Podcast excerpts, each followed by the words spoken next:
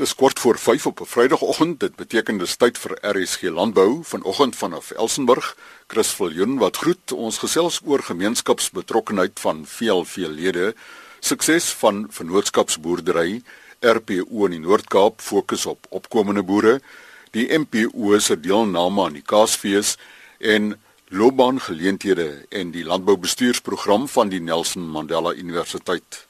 Karin van Skalkwyk, president van VLV Kaapland, vertel eerstens van hulle lede se aktiewe gemeenskapsbetrokkenheid. Die projek waarmee die VLVK-lede op die oomblik besig is, is gemeenskapsbetrokkenheid. Elke lid, tak en sirkel werk in haar onmiddellike omgewing om die lewe vir haar medelandsburger makliker en geriefliker te probeer maak. Waarmee is die dames onder andere besig? By die jeug Kinders in wees en kinderhuise word op hulle verjaarsdae bederf met koekkoeldrank en geskenke. Kleuterskole en kressies ontvang missies in serpe en warm sweetpakkies. Bemagtigingsdae word aan graad 12 leerders gebied. Hulp aan leerders met swak leesvaardighede word geskenk. Skryfbehoeftes, skoolklere en skoolskoene word aan leerders verskaf. Lede is behulpsaam by voedingsskemas by skole met die uitdeel en die maak van kospakkies. Die belangrikheid van mondhygiëne word geniet en aandag in sekere skole kry dit. By die senior burgers, sommige takke het die instelling dat een vergadering jaarliks by 'n ouete huis gehou word waar tydens die inwoners met speelietjies, eetgoed en 'n geskenkpakkie bederf word. Lede skenk gebak en donasies vir hulle bazaar voet en haarversorging geniet aandag. 'n Inkleeroggend word gereël, rolstoeluitstappies, hulp met inkopies, sangoggende en konserte word gehou en pannekoek word vir hulle gebak. Pensionaarsse se ledegeld word op 'n gereelde basis gesubsidieer deur die betrokke tak. Baie van hierdie inwoners was immers die hoek in die fondamentstene waarop daardie dorp se VLV tak gebou is. By gesondheid Hulle skenk boeties en beanies vir premature babas in provinsiale hospitaal, tydskrifte vir kindersale en houtspeelgoed. Kankerpasiënte ontvang trooskombersies. Lede maak abba lappe vir vroeggebore babas. Lede skenk doeke vir verswakte bejaardes, eetes, toiletware, eetware en lekkers borslappe, komberse en klere en knikkombersies met nekbande vir rolstoelpasiënte. Daar is tot kantgordyne vir al die vensters van 'n huis voorsien. Hulle hou vrugtefeeste en bederfoggende. Alzheimer pasiënte kry vroetelvoorskote vir sensoriese en visuele stimulasie.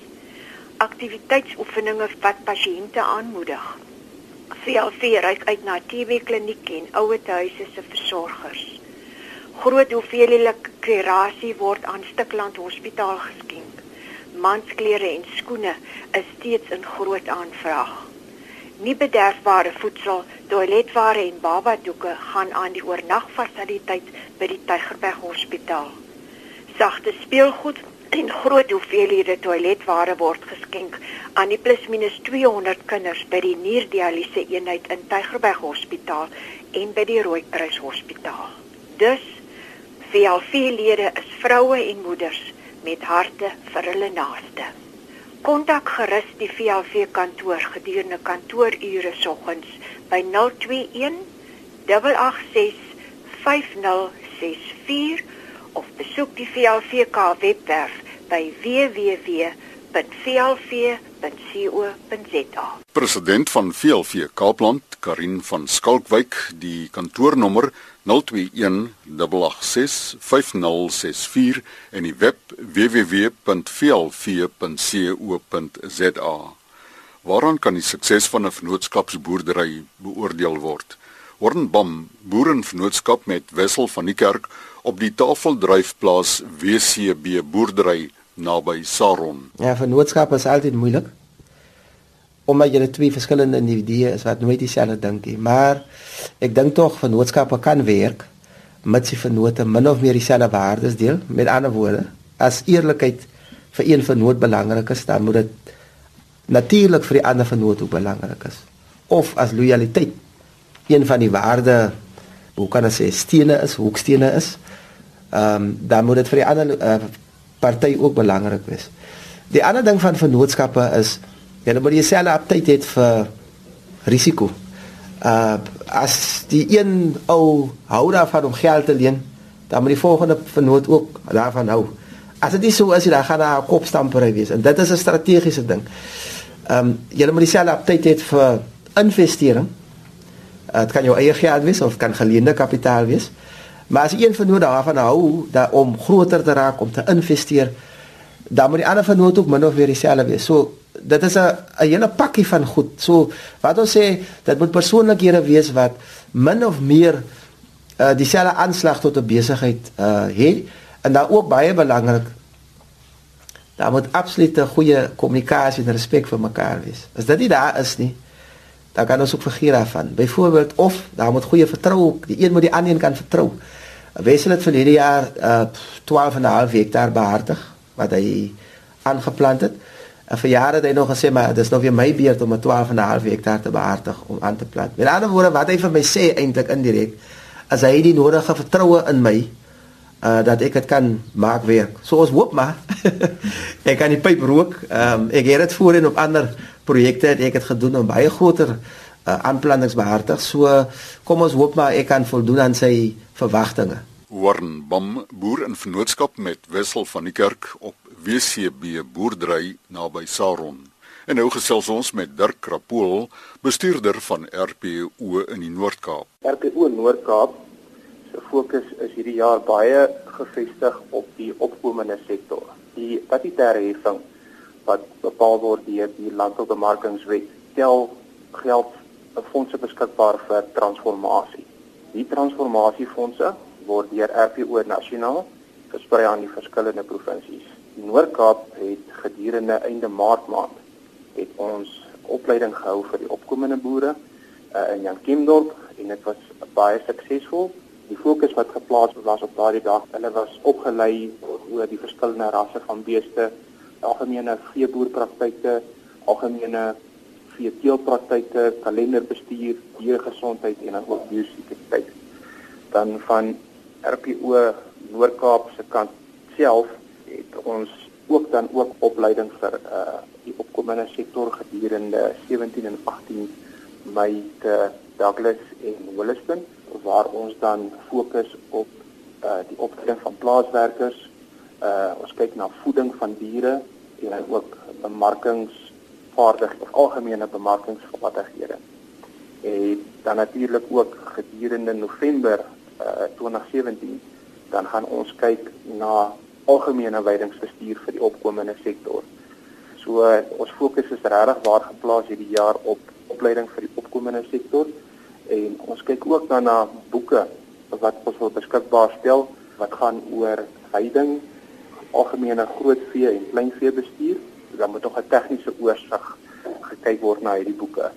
So dit ook vrygestel word dan sal ons dit ook gedurende hierdie dae dan sal ons dit ook bekend maak en en vrystel aan die opkomende sektor. Dan het ons ook gedurende die begin Maart het RPO Noord-Kaap het ons uh, algemene inligtingsdae gehou wat ons noem as 'n roadshow tesame met die NWKV uh waar ons dan ook sprekers gehad het wat algemene inligting oordra en meeste van die plekke waar ons rondgetoer het was daar ook dan ook opkomende boere gewees wat 'n baie goeie teken was. Dirk Krapool is bestuurder van RPO in die Noord-Kaap. Die e-posadres rpo@agrink.co.za. Vanoggend om 10:00 skop die Suid-Afrikaanse Kaasfees af op Sandringham net buite Stellenbosch.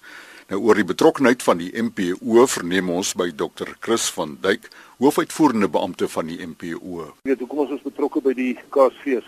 Wil ek dalk terug gaan vinnig na die boekie toe wat die motiveringsboekie van Spencer Johnson wat hy geskryf het van Who Knows My Cheese. Hy het nou in hierdie boekie vertel hy van die grense, jy weet hoe ons die grense van ons gemaksone kan oorkom om ons gereed te maak vir verandering. En ek dink in Suid-Afrika ja, is daar baie verandering, maar jy weet as ons nou gaan kyk na kaas, kaas word in Spencer se boekie word hy nou gebruik vir 'n metafoor vir geluk. Jy weet vir enigiets waarna ons streef of vir geluk self dan En ek dink dis jy weet ons ons mening dat regte kaas uiteindelik ook een van die redes kan wees hoekom 'n mens kan gelukkig wees in die lewe. En dis spesifiek om hierdie rede wat die melkprodusente organisasie nou betrokke geraak het by hierdie um, kaasresepte boekie wat by die Kaasfees bekend gestel gaan word. Hier ons is saam met Agri Expo wat natuurlik die Kaasfees reël en dan ook baie belangrik saam met die Weskaapse Departement van Landbou um, is ons betrokke by hierdie boekie. Die NPO ons verteenwoordig, jy weet as produsente organisasie omtrent 1700 um, melkprodusente in die land wat sluit natuurlik jou jou melkbeeste en dan jou bokboere ook in. En ek dink jy weet kaas is een van die produkte wat ons weet daagliks van ons hoë kwaliteit melk wat in ons land geproduseer word um, wat deur ons um, uiteindelik dan nou gemaak word en ek dink um, iemand het eendag het gesê ehm um, kaas is miskien melk se poging om onverganklik te wees. En ek dink dis miskien hoekom ons dan nou betrokke is by die ding. En ek dink dit is belangrik dan om uh, weet om uiteindelik moet ons nooit in 'n gemaksone met kaas bereik nie, weet soos wat ons Spencer se boekie gesê het. En ons moet aanhou om nuwe kaasse en dan veral nuwe kaas resepte te te beproef. En ek dink aan hierdie boekie waar die resepte, jy weet, um, daag ons as gebruikers van kaas gaan met ons definitief uitdaag. Ehm um, maar dit is baie belangrik jy weet dat ons saam met kaas beweeg en dat nog meer belangrik uiteindelik dat ons dit um, moet geniet.